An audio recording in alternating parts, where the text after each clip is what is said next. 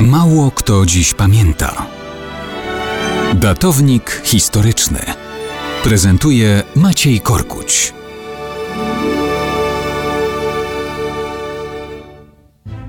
Wojny domowe są szczególnym doświadczeniem w dziejach państw i narodów. Mało kto dziś pamięta, że 19 lutego 197 roku doszło do jednej z największych i najkrwawszych bitew w wewnętrznych dziejach Imperium Rzymskiego.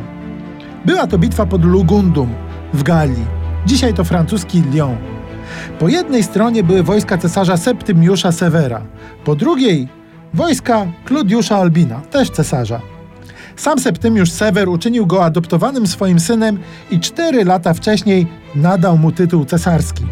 Żeby było ciekawiej, ów ojciec i syn mieli mniej więcej tyle samo lat. Niewykluczone nawet, że syn był nieco starszy od ojca. Ale kto cesarzowi zabroni? W swoim czasie Klodiusz Albin zarządzał rzymską Brytanią.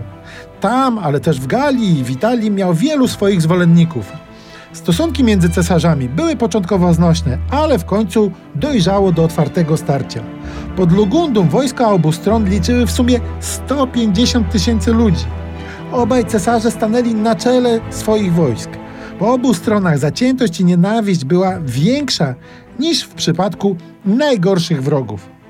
19 lutego. Najpierw na jednym ze skrzydeł zwyciężają legioniści Severa.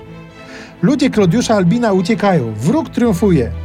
Wdziera się do obozu. Na przeciwnym skrzydle pozornie jest tak samo. Ludzie Klodiusza na widok atakującego wroga z przerażeniem uciekają.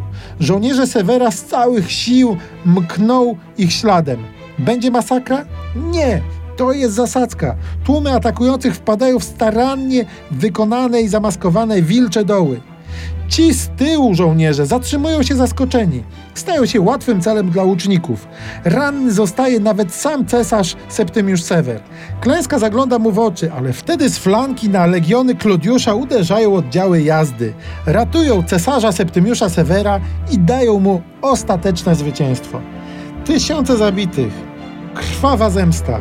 Rzymianie Rzymianom sprawili taki los.